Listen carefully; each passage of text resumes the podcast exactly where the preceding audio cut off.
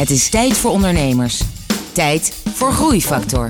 Het programma dat ondernemers beweegt, motiveert en inspireert. Hier is Kees de Jong, groeiondernemer en verbonden aan NL Groeit.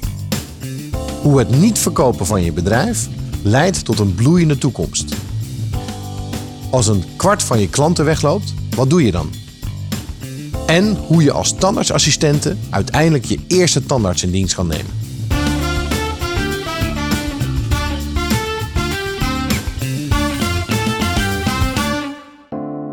Hallo en welkom bij een nieuwe aflevering van Groeifactor. Het programma dat ondernemers beweegt, motiveert en inspireert. Met veel muziek en een openhartig gesprek met een inspirerende ondernemer. En vandaag is Maya Angunal mijn gast. Maya, welkom. Dankjewel. Maya, jij bent van Mondzorg Dental Beauty, jouw bedrijf. Daar gaan we het over hebben. Inclusief je hoogtepunten, je dieptepunten en hoe je daarmee bent omgegaan. Dat allemaal zo direct, maar eerst muziek van Brenda Boykin met Hard Swing Traveling Man. Groeifactor beweegt ondernemers.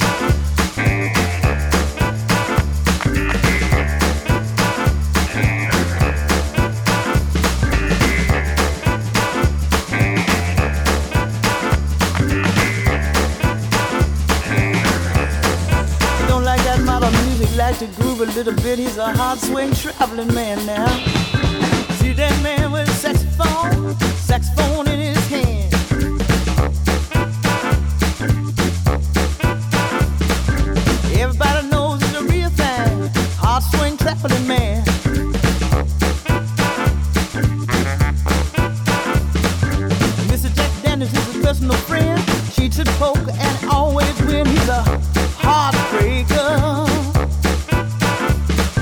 Pretty young waitress knows him by name. Gives him a smile, falls for his game. He's a love maker.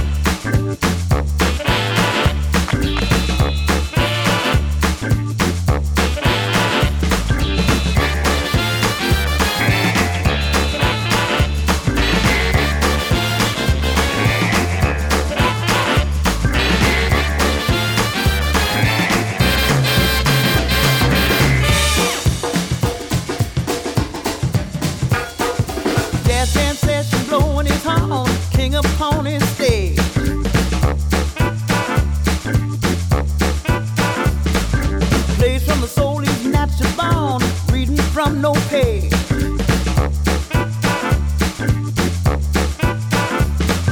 Stingy brim and shiny shoes, uptown jazz and low down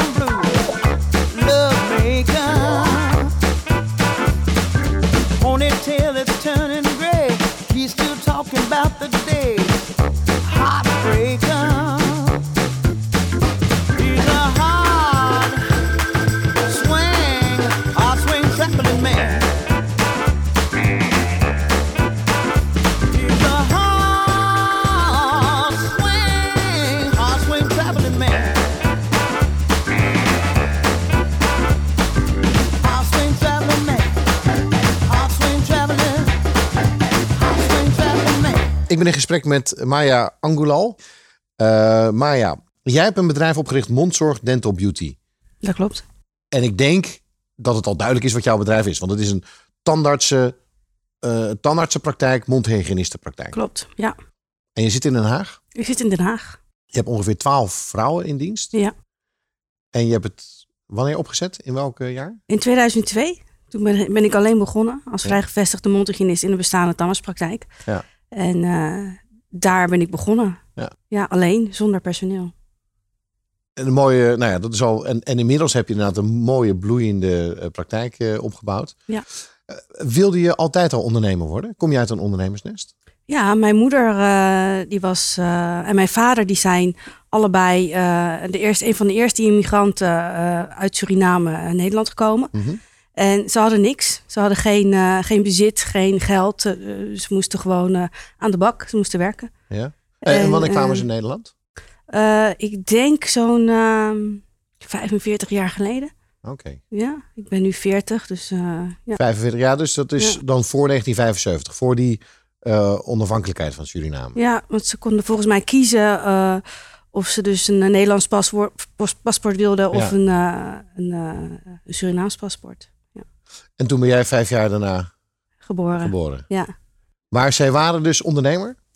Nou, mijn moeder was uh, zelfstandige en uh, zij was uh, analiste. Dus zij werkte altijd, zij voor het ziekenhuis gewerkt. En vandaar dat mijn eerste aanraking met de zorg was via haar ja. in het ziekenhuis. En um, mijn vader was marktkoopman op okay. de Haagse markt. Oké, okay. en wat verkocht hij? En hij verkocht tropische groenten en fruit. Hij was een van de eerste die uh, dat verkocht. En heeft het invloed gehad op jouw beeld dat jij voor jezelf uiteindelijk ooit een bedrijf wilde hebben? Nou, het voorbeeld van, van hem was echt dat hij uh, echt, uh, hij werkte gewoon hard. Hij keihard. Hij, hij stond heel vroeg om, om vier uur. En dan, dan stond hij om zeven uur al klaar met zijn marktkraam. helemaal mooi. En ja, dat was gewoon een voorbeeld eigenlijk. hoe, die, hoe hard hij eigenlijk ervoor gewerkt heeft. Ja. En uh, in mijn ogen was mijn vader gewoon succesvol. Ja. ja. ja. En ging het haar vaak over thuis? Nou, wij komen uit een. ik kom uit een, gescheiden gezin. Ik kom uit een eenouder gezin. Mm -hmm. Mijn vader en mijn moeder die, die woonden niet samen. En um, mijn vader is. En wonen je bij allebei of bij? bij mijn moeder. Okay. En de vakanties bij mijn vader. Ze hadden een goede vriendschap. En uh, mijn stiefmoeder ook. Dus ik had twee moeders eigenlijk. Ja. En twee vaders. Mijn, va mijn, vader is hertrouwd en mijn moeder is hertrouwd. Ja. En dus het was leuk, gezellig. Ja. ja. Hey, en en uh, wat heb je gedaan daarna? Wat, wat voor school of opleiding heb je gedaan? Maar mijn studie, uh, ik was, ik kwam uit het eenouder gezin bij mijn moeder. En Ja. ik heb eigenlijk heel lang ben ik zoekende geweest van wat ik eigenlijk wilde. Want ik wist niet wat ik wilde. Ja. En mijn moeder werkte vijf dagen in de week, dus ze had niet zoveel aandacht. En ik was heel vroeg uh, schoolverlater. Ja. Dus, uh, van met, met 16 uh, ja, was je... ik had de MAVO niet afgemaakt. Ja. En toen ben ik gaan werken bij snackbar, in de horeca in. En administratief medewerker voor een uitzendbureau. Zoveel baantjes gehad. Ja. ja, ja, ja. Wat heb je van geleerd van die, van, die, van die fase met al die baantjes? Nou, eigenlijk heel veel van wat ik eigenlijk niet wilde. Ja. En, en dat was, um, ja, maar als een robot uh, uh, orders uitvoeren uh, van, van de baas. En op zich deed ik mijn werk altijd wel gewoon kundig en goed. en ik kwam er iedere keer weer achter dat ik dat niet wilde. Ja. En um, tot het moment dat ik dacht van wat wil ik dan eigenlijk wel? En toen ben ik op onderzoek uitgegaan. En um, toen kwam ik bij zo'n bureau met alle opleidingen die er waren. En uh, daar, daar, kon je een test doen. En toen kwam daar tandartsassistent uit. En ik had toen al deeltijd MAVO gedaan. Dus ik had mijn MAVO al afge afgemaakt. En HAVO. En toen ben ik de tandartsassistenten gaan doen. En toen kwam ik in de tandartspraktijk. En zo ben ik in aanraking gekomen met de tandartspraktijk. Oké. Okay. Ja. En uh, wat kon je dan gaan doen in die, in die praktijk? Welke opleiding had je? Dat was mondhygiënist? MBO, MBO, tandartsassistent. Dus echt het assisteren van de tandarts. Oké. Okay. Ja. En dus dat, dat kan je zelf nog niet zoveel. Je moet wel alles leren, maar je kan niet zoveel. Je, moet, je bent echt een soort praktijkmanager. Ja. Je, je zorgt voor het reilen en zeilen van de praktijk. Uh, de telefoon aannemen, het schoonhouden, uh, voorraden aanvullen. Eigenlijk alles wat erbij komt kijken, en, maar niet het behandelen. En ik vond het juist heel erg leuk om te zien hoe de tandartsen hun patiënten ontvangen Ja. en behandelden. En wat voor relaties zij, eh, zij eh, opbouwden met hun, eh, met hun klanten. En eh, toen dacht ik van nou, dat wil ik eigenlijk ook. En toen ben ik verder gaan studeren. Gelijk na, de, na mijn eh, studie van tandartsassistenten Mhm. ben ik verder gaan studeren. En wat heb je toen gestudeerd? Uh, een hbo-opleiding. Ja. Oké. Dus van assistenten en dan heb je die HBO-opleiding. Ja. En, en toen was je klaar met die opleiding en ben je, had je toen het beeld van ik wil voor mezelf beginnen? Of is dat anders gegaan? Uh, ja, ik, toen ik um, uh, in de, tijdens de opleiding was ik eigenlijk uh, al vrij snel wist ik al wat ik wilde doen. En welk werkveld ik leuk vond. En um, ik heb in, in de parodontologische kliniek gewerkt in Den Haag. Sorry, en wat voor kliniek? Ja, parodontologische kliniek. Het was een hele mooie, ja, chique kliniek eigenlijk. ja. En, Zo klonk het ook een beetje natuurlijk. ja. het, is al, het is al Den Haag, dat is al chic. Ja, ja een heel mooi pand ook. Uh, en daar heb ik eigenlijk uh, ja, uh, het, ja, mijn inspiratie vandaan gehaald om ja. mijn eigen praktijk te beginnen. En ik heb ook nog een jaar in loondienst bij hun gewerkt tijdens de, dat ik startte voor mezelf. En ja, dat was gewoon ja, mijn voorbeeld eigenlijk, hoe ik het wilde hebben. Ja. Want, die, ehm, want je kon al voor jezelf starten terwijl je daar nog werkte? Ja. Dat vonden ze oké? Okay. Ja. En, en hoe ben je dan gestart? Wat was het moment dat je dacht, oké, okay, nu ben ik er klaar voor om, om, om het zelf te gaan doen? Om zelf een... een, een... Nou, toen het thuis was het heel makkelijk. Uh, omdat uh, ik had natuurlijk heel veel um, uh, connecties met tandartsen. Omdat ik al kennis had gemaakt met, met de tandartsen die ik tijdens mijn assistentenopleiding had leren kennen. En um, dus er, waren uh, tandartsen die zeiden van nou, uh, je mag mijn praktijk huren uh, voor drie dagen in de week. En um, wij sturen jou de patiënten. En ik ben zelf ook nog gaan lobbyen bij verschillende tandartsen. Van nou, ik ben zelf vrijgevestigde mondhygiëniste. Um, en ik, ik heb ruimte voor, voor jullie klanten. En zo heb ik dus mijn klantenbestand opgebouwd. En, en, die mensen hebben mij, die tandartsen hebben mij al hun uh, patiënten doorgestuurd. En op een gegeven moment. Uh, maar, maar waarom deden ze dat dan naar jou? Want omdat jij ze had leren kennen en. Nou, ik was, uh, dat, ik was ten eerste afgestudeerd, uh, mondhygiënist. En ik had um, ervaring in de parodontologische kliniek. En dat is een vooraanstaande verwijspraktijk. En uh, ja, dat was gewoon een, uh, een mooi, uh, mooi opstapje. En ik, ik, ik presenteerde mezelf ook. Ik ging ook langs. Ik, ik gaf elk jaar gaf ik een flesje wijn en een bonbonsje. En dan bedankte ik ze. En zo kreeg ik dan een goede relatie met de tandartsen. Oké. Okay. Ja, en ehm, ja, dat ging goed. En op een gegeven moment kon ik niet meer verder groeien met die drie dagen die ik huurde. En ik wilde meer. En toen uh, heb ik een, een andere praktijk, of een andere locatie eigenlijk, een casco-locatie heb ik gehuurd. Ja. Helemaal leeg. ook naar de bank gegaan voor een lening om het in te richten. En dat is heel mooi geworden. Ja, okay. in 2007. Um, maar ja, we luisteren straks naar hoe mooi dat is geworden. Maar eerst Massive Attack met het nummer Be Thankful for What You Got.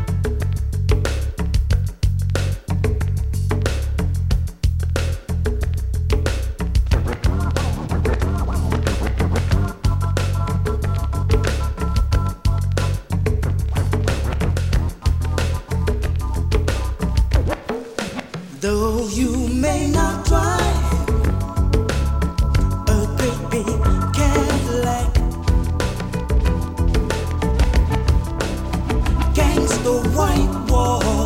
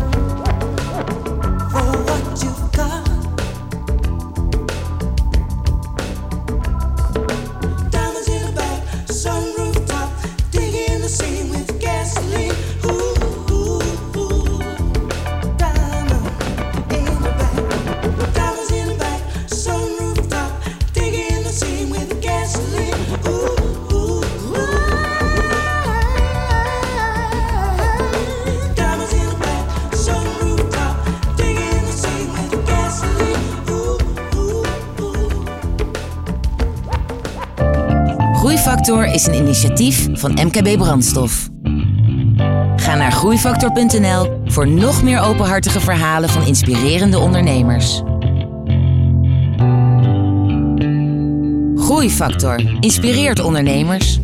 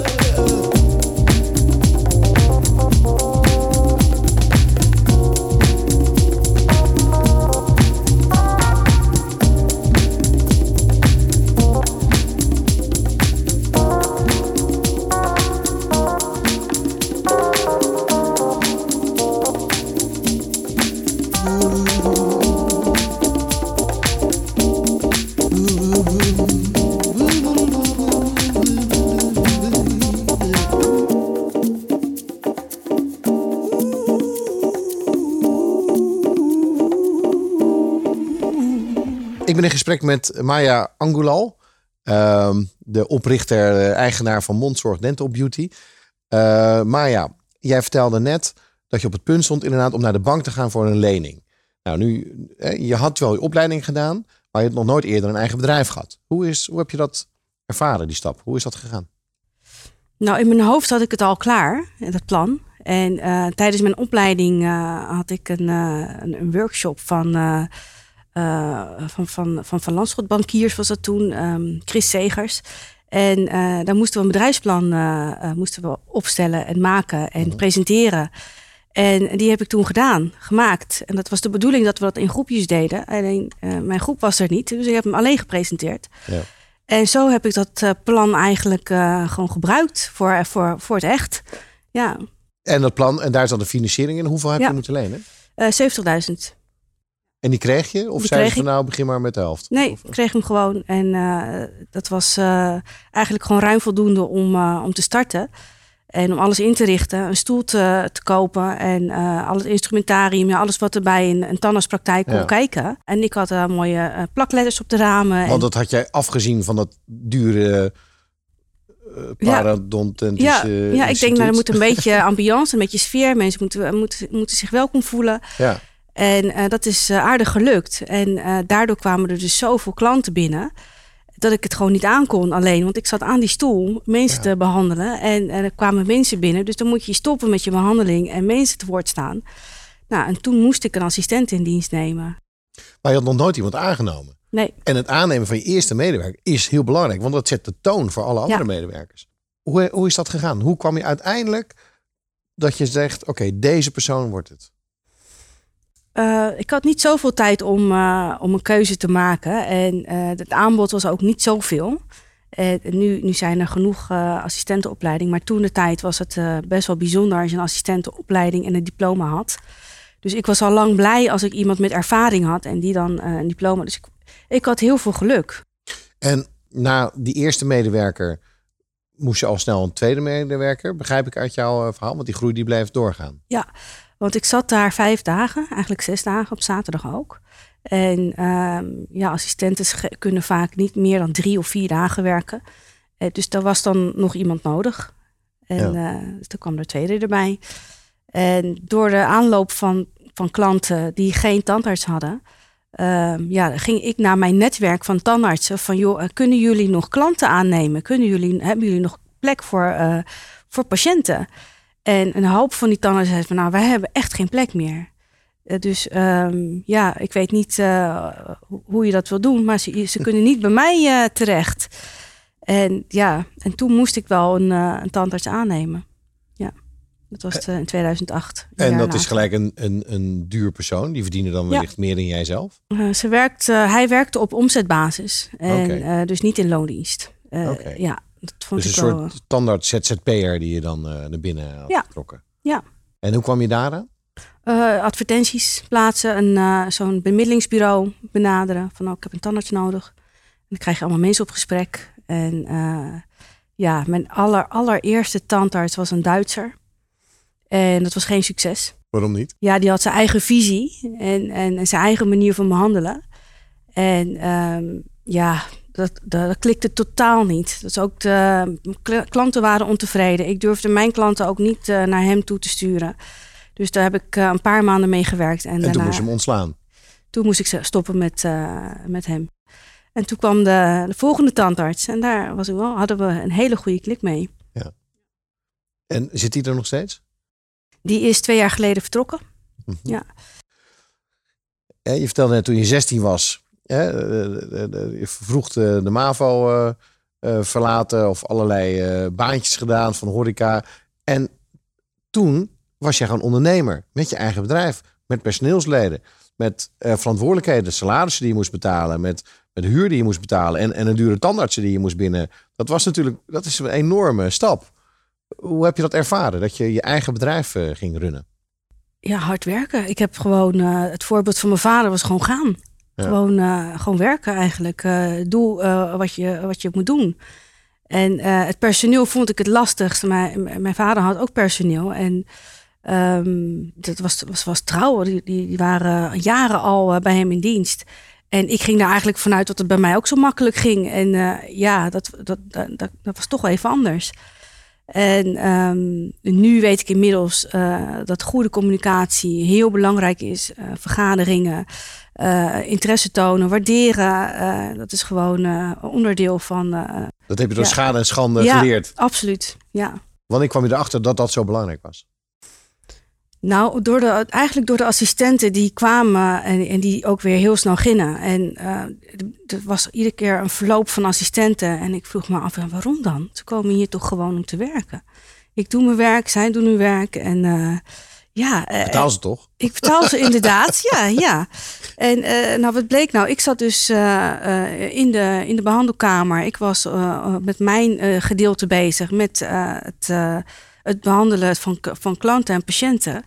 En ik ging ervan uit dat zij hun een deel dan deden, zoals het ontvangen. En, hè, en, en, ehm, en ik, ik vergat daarbij dat ik ook nog eens tijd moest nemen om hun eh, te waarderen en te vragen hoe het met ze ging. En de, de, de, de snelheid en de efficiëntie die ik had eh, heb nog steeds. eh, dat wil niet zeggen dat een ander dat die dat, die dat heeft. En, en nu weet ik dat dat inmiddels, dat, dat, ja, dat je daar heel goed naar moet kijken. En taakverdeling is heel belangrijk. Ja. Ja, Dus hoe heb je dat dan nu opgelost? Heb je dan ook vaste ehm, zeg maar, eh, werksessies of uitlegsessies en introductieprogramma's en een soort eh, checklistje wat ze Ja. moeten afwerken? Ja, we hebben lijsten. Wat eh, ook als iedereen eh, die, die, die binnenkomt, stagiaires. We hebben, we hebben ook een boek, een handboek. En dat wordt ja, helemaal goed toegepast. Dus ja, iedereen weet wat er van hem verwacht wordt. En er wordt ook eh, getoetst. Ja. Van ja, eh, heb jij eh, je wekelijkse lijst, heb je dat afgewerkt?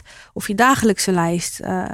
dus er wordt heel, we hebben ook een praktijkmanager die erop toeziet. Ja.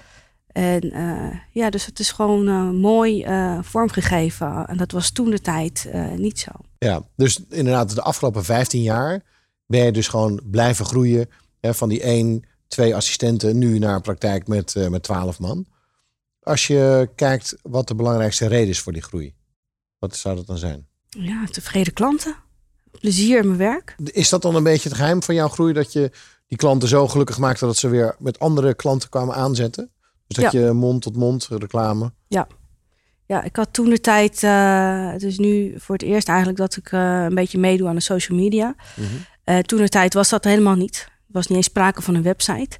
Eh, ja, dus het was echt mond-op-mond reclame. En zo, zo ging het ook. Ja. Eh, ken je nog een goede tandarts? Ken je nog een goede mondhygiëniste? En zo kwamen mensen ook bij, bij ons binnen. Ja. En er werd ook gevraagd aan die mensen van nou, hoe, eh, hoe kom je bij ons?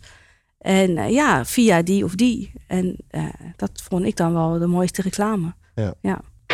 We praten zo direct verder. Eerst luisteren we naar I'll Be Around van Naked Music.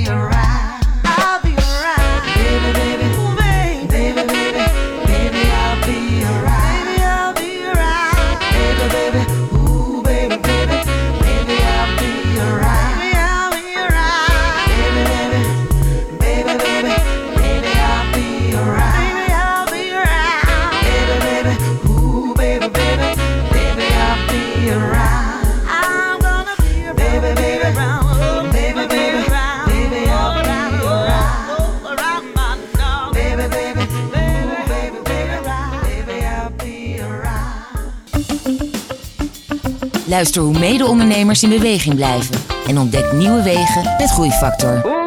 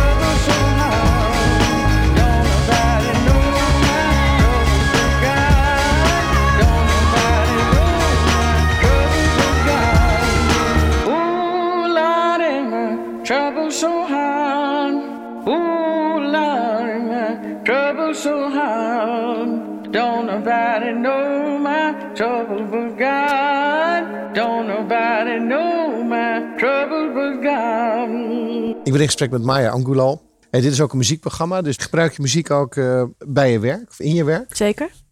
Hoe dan? Eh, tijdens behandeling zet ik eh, altijd muziek op. En kijk je dan naar de patiënt en zeg je: Oké, dit, dit, dit is de muziek die de patiënt nodig heeft op dit moment? Doe je dat zo of is het gewoon random?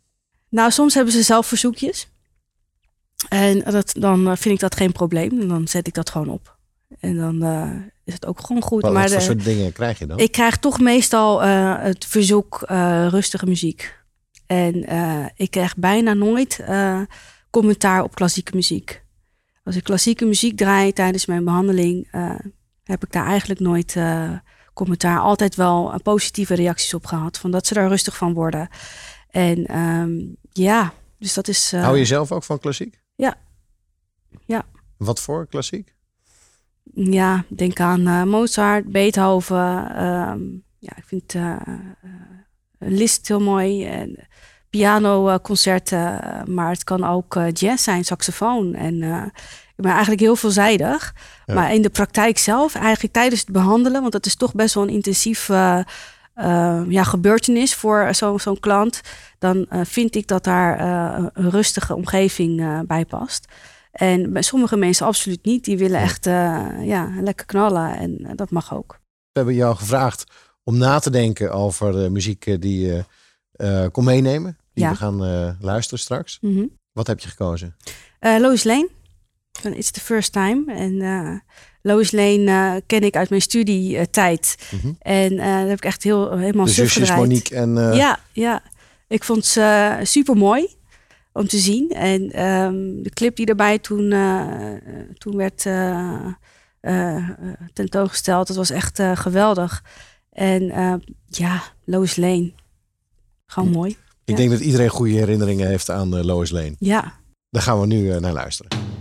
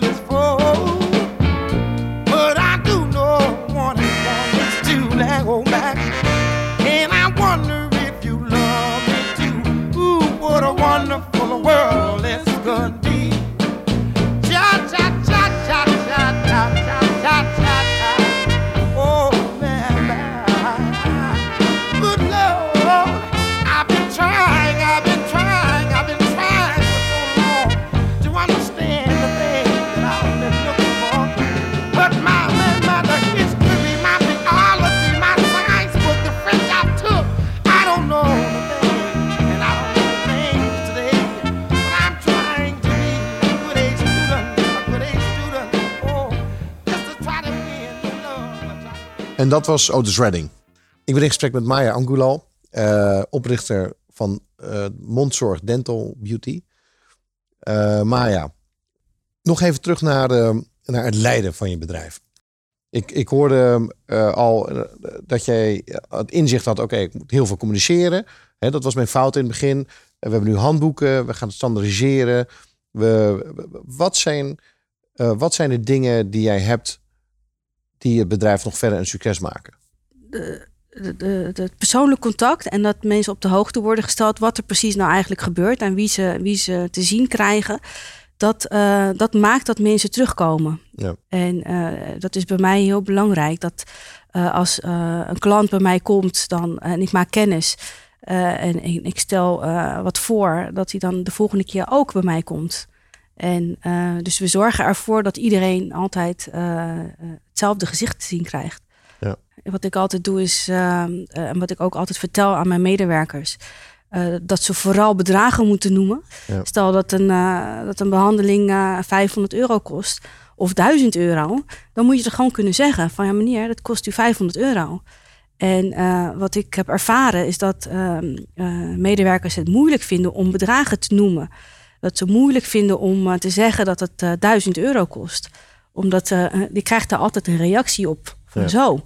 En die transparantie is heel belangrijk. Ja. Voor het vertrouwen wat je ja, eigenlijk opbouwt met je, met je klant. Hey, maar ik kan me niet voorstellen dat het allemaal zo makkelijk is geweest. Al afgelopen 15 jaar. Hey. Wat zijn nou, wat zijn nou moeilijke momenten en dieptepunten waar je op terugkijkt? Nou, het, het moeilijkste was ehm, dat ik eh, toen ik het Casco-pand huurde, heb ik het heel mooi ingericht. En ehm, in 2012 ehm, wilde ik, eh, kwam er iets tussen een ander pand op mijn, op mijn pad en dat kon ik kopen. En ik vond het, eh, ik vond het een uitdaging. Ik denk, ja, gaan we dat doen of niet? Dus daar heb ik een half jaar over gedacht en gedaan. En toen heb ik de bes- beslissing gemaakt om nog een tweede locatie te openen. En ehm, dus ik had twee locaties eh, vijf jaar lang. Eh, en eh, dat is minder goed geweest. Het eerste twee jaar ging nog goed. En toen ik, ja, ik kon mezelf niet in tweeën splitsen. En ja, op een gegeven moment zijn we ook, heb ik personeel verloren. Wisseling van personeel. Op een gegeven moment had ik ook geen tijd meer om ze aan te sturen. En eh, om mijn visie over te brengen. En eh, dus die gingen hun eigen ding doen eigenlijk binnen mijn eh, praktijk. En ik zag dat niet. Want ik kon niet op twee locaties tegelijk zijn. En nog Ja. mijn patiënten behandelen. En ehm, dus dat was een mindere periode. En ik, ik was eigenlijk een beetje gefocust op mijn eigen praktijk. Maar mijn eigen patiënten, klanten. En ik dacht, nou ja, wat daar gebeurt, ze moeten het ook zonder mij kunnen. En eh, dat is eigenlijk wel heel slecht geweest. Want we hebben toen eh, eh, in korte tijd hebben we duizend klanten verloren. Ja. ja, Van de hoeveel? van de 4000. Van de dus een kwart van je 4000. klanten Ja. zijn weggelopen omdat ze het daar niet volgens jouw standaarden deden. Ja. Het klinkt wel alsof, het- alsof je daar een beetje laat achter kwam. Ja, zeker. ja, ik ben daar zelf. ehm, ehm, het is niet gek. Ik ben zelf alleenstaande moeder. En ehm, eh, dus ik, had ook, ik heb ook nog een zoon. Ik, eh, ik ben moeder in hart en nieren. En dat staat eh, eigenlijk voorop.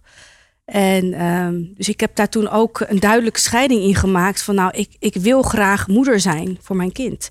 En ik ben ook ondernemer. En toen heb ik keuzes gemaakt van nou, ik behandel mijn klanten. En als ik klaar ben met mijn, met mijn dag, dan ga ik naar het volgende. En dat is dan eh, Moeder zijn, Moeder zijn. zoon opvangen. Juist, ja. En hij is nu inmiddels wat ouder en nu gaat het allemaal wat makkelijker. En eh, ik, ik, hoef zo, ik hoef niet meer zoveel te werken aan de stoel. Eh, en ik kan mez- mijn tijd wat beter indelen. En, en we zijn van twee locaties inmiddels naar één locatie gegaan, Ja. waardoor het allemaal wat overzichtelijker is. En ehm, eh, de klanten reageren veel, veel beter ook. We hebben ook terugkerende klanten die, die weg zijn gegaan en die nu weer terugkomen. Want wat deden Ja. ze daar verkeerd dat jij nu ziet hè, wat jij goed doet? Wat deden ze daar niet? Eh, ja, het ontvangst, eh, de, de transparantie ontbrak. Dus er werd ineens eh, werden de behandelingen uitgevoerd die niet werden gecommuniceerd. Ehm, dus wat kreeg ik dan? Want ik krijg natuurlijk alles te zien. Hè, van, want ik wilde alle uitschrijvingen wilde ik zien. En als, er iemand, als er iemand uitschrijft, dan wil ik weten wat, wat de reden is. En ehm, de, de reden, de voornaamste reden was de wisseling van, eh, van tandarts. En eh, wij waren van oorsprong, wij zijn van oorsprong eh, een, een mondhygiënepraktijk. Dus iedereen kwam als eerst bij de mondhygiëniste. Ja. En toen ik daar eh, wegging, toen kwamen er dus assistenten te werken. die dachten dat ze dus iedereen eerst bij de tandarts moesten plaatsen. En die tandarts die eh, had er helemaal geen, eh, hè, die, die wist helemaal niet eh, hoe dat werkte. Dus die, ja, dat werd eigenlijk een soort een mengeling van, van diensten. Tandarts, mondhygiëne, wat was het nou? Het was een beetje onduidelijk. Ja. En de mondhygiënisten zaten niet op één lijn. de tandarts zat niet op één lijn. En dus er werd de ene zei dat. een beetje als een chaos. Chaos En je nog een klein kind thuis zitten. Ja, En je, je moest zelf hard werken. Ja. En je werkte in je bedrijf ook nog eens een keer. In plaats van, dus het klinkt eigenlijk wel alsof het een... eh, Ja. Heb je toen wel eens gedacht van nou, ik, ik kap ermee. ja, zeker. Ik heb op het punt gestaan om te verkopen. En toen? En ehm, nou goed, er was een, een, een goede eh, partij die het wilde kopen. En eh, met een goed bedrag. En, ehm, maar die wilde dus dat ik me twee jaar zou binden aan dat, aan dat bedrijf van hun. En toen dacht ik, ja, waarom eigenlijk? Als ik me nog twee jaar moet binden, dan kan ik net zo goed zelf doen. Want dan ben ik klaar met mijn... Want ik had dubbele lasten. En toen ben ik voor mezelf een nieuw plan gaan bedenken... van hoe ga ik dit nou eigenlijk aanpakken? En op een gegeven moment, ehm, na goed eh, overdenken... eh, was ik heel blij dat ik het niet had verkocht. Ja. Eh, heel blij eigenlijk. Eigenlijk geschenk uit de hemel. Toen dacht ik van, nou ja, dat hoeft helemaal niet. Ik kan gewoon één, één locatie wegdoen en alles onderbrengen in mijn eigen kooppand. Mhm. En dat scheelt dan in de kosten, in personeelskosten. En eh, toen ben ik op een, sommetje gaan maken. En eh, toen kwam ik tot de conclusie dat ik eh, binnen twee jaar eigenlijk veel beter producten en dienst kon verlenen dan, dan toen. En ehm, dat ik gewoon weer kon aanschuiven in mijn eigen praktijk. En dat de chaos die er toen was, eh, waar en waarom ik het wilde verkopen, dat dat ehm, met, met goed beleid en eh, ehm, ja, met, met eh, overleg van personeel, dat dat gewoon opgelost kan worden. En dat is ook gebeurd. Zoals ik het heb gedacht, zo is het gebeurd. Heb je nog hulp gehad van mensen? Of ben je nog met mensen gaan praten over die uitdagingen die je toen had? Nee, ik stond er vrij alleen voor. Ja. Ja. Ja, dat is wel een beetje ook, ook het thema, zeg maar. ja. Je, doet, je hebt wel alles zelf gedaan. Ja, ik had een eh, praktijkmanager. Zij is begonnen als assistente. En eh, Jessica. En dat was toen mijn steun en toeverlaat nog steeds. Mhm. En eh, zij heeft mij daar wel eh doorgeholpen, absoluut. Ja. Ja, ja. En de tandarts die daar toen zat ook, die eh bleven komen. En daar heb ik wel negen jaar een goede samenwerkingsrelatie mee gehad. En eh, Jessica, de praktijkmanager, is er nog steeds. En eh, ja, mijn, mijn, ouders, mijn moeder, mijn stiefmoeder, eh, mijn vader en ja, mijn biologische moeder, die hebben me altijd goed gesteund. Openhartige gesprekken met inspirerende ondernemers. Je luistert naar Groeifactor.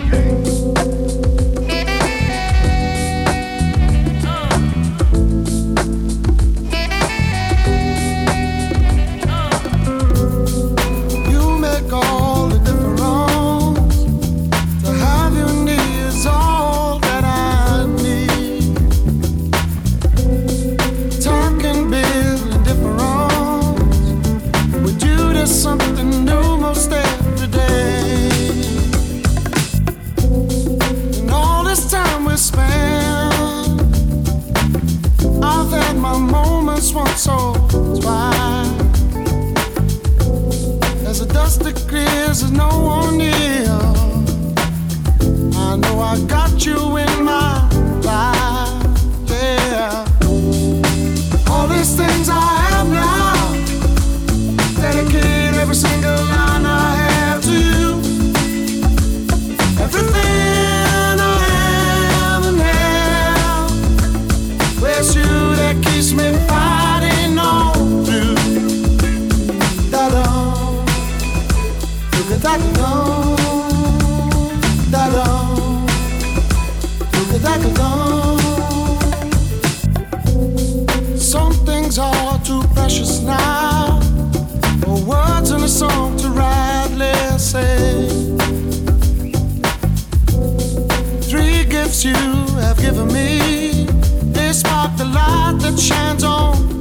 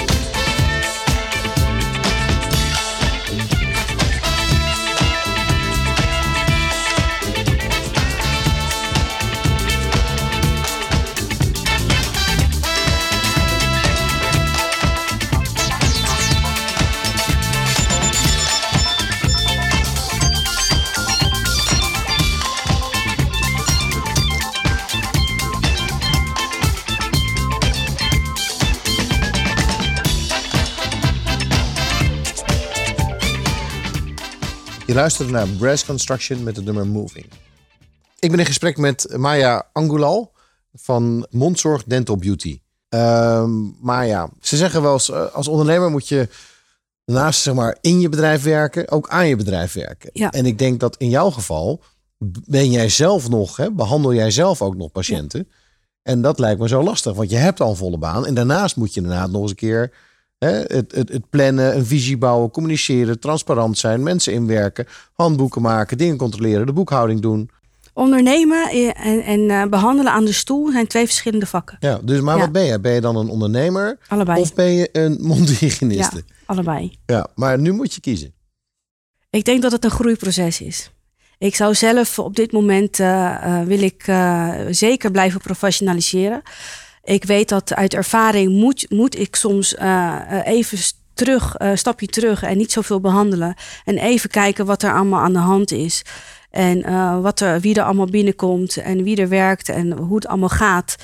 En dat betekent dat ik inderdaad minder aan de stoel zit en dat ik dan meer ga ondernemen. Ja. Ja. Dus dat is eigenlijk dan Ja. onoverkomelijk dat je dat inderdaad. Zeker. en, en hoe zorg je dan dat je jezelf daarin eh, nog verder bekwaamt? Heb je dan opleidingen, lees je boeken? Hoe, hoe zorg je ervoor dat je dan een betere ondernemer wordt? Eh, ik kijk. Ik kijk ook bij andere praktijken.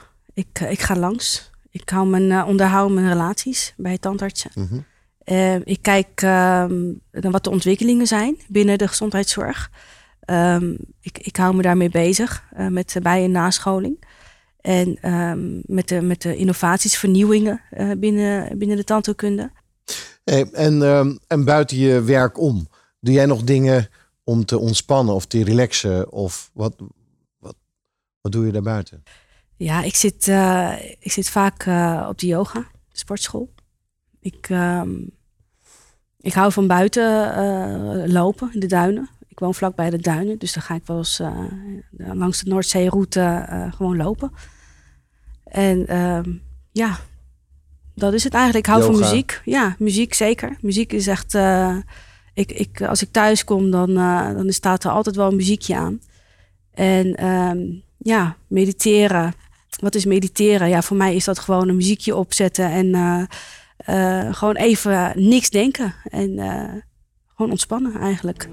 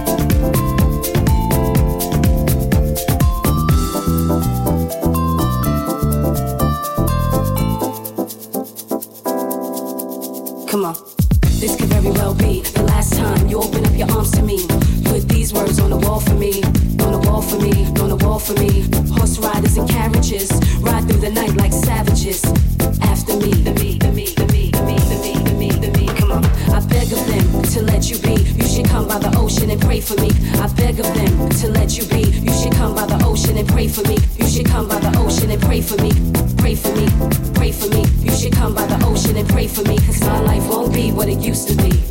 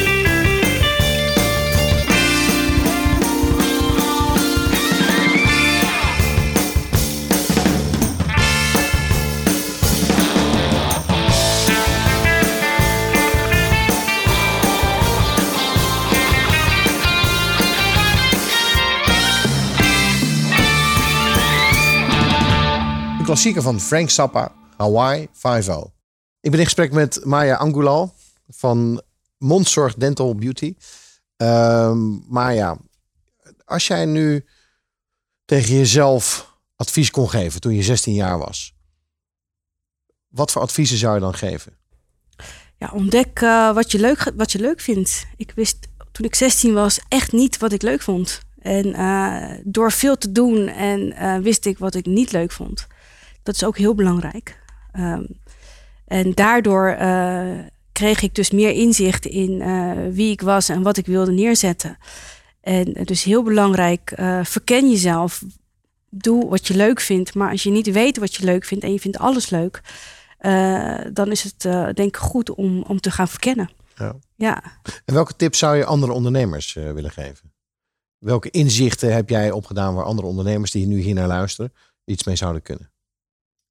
Ja, kijk, als je de, de, de ondernemer die nu ehm, zelf nog bezig is in, in, in, in zijn bedrijf, eh, vaak kan je jezelf verliezen in, eh, in, in het eh, dienst die je geeft of het product dat je verkoopt. En ehm, eh, eh, dan moet je soms eventjes terugstappen stappen en even weg van de werkvloer om te kijken van nou is het nog, draait het nog zoals je wenst en loopt het nog zoals je wil. En eh, dus even afstand nemen en dan kijken op het geheel wat je hebt neergezet. En eh, dat heb ik iets weinig gedaan. En eh, ik merk toch, als je dat doet, dan kan je mm, perfectioneren, professioneren, wijzigingen aanbrengen. En dat is eigenlijk de kracht van een, een goede, succesvolle onderneming.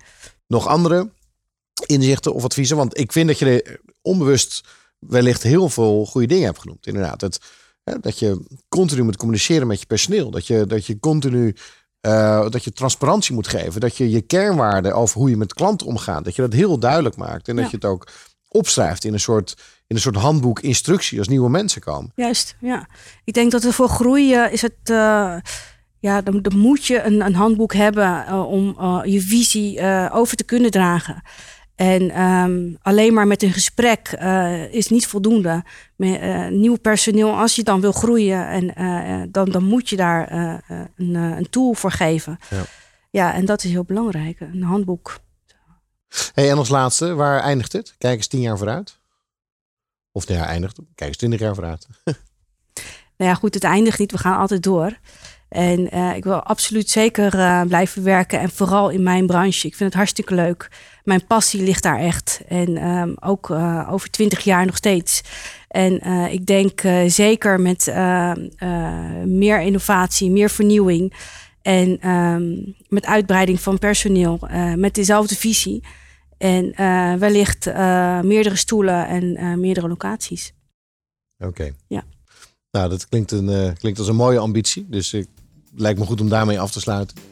Ehm Maya, eh dank je wel. Eh, je had een eh, bijzonder, of je hebt een bijzonder ondernemersverhaal.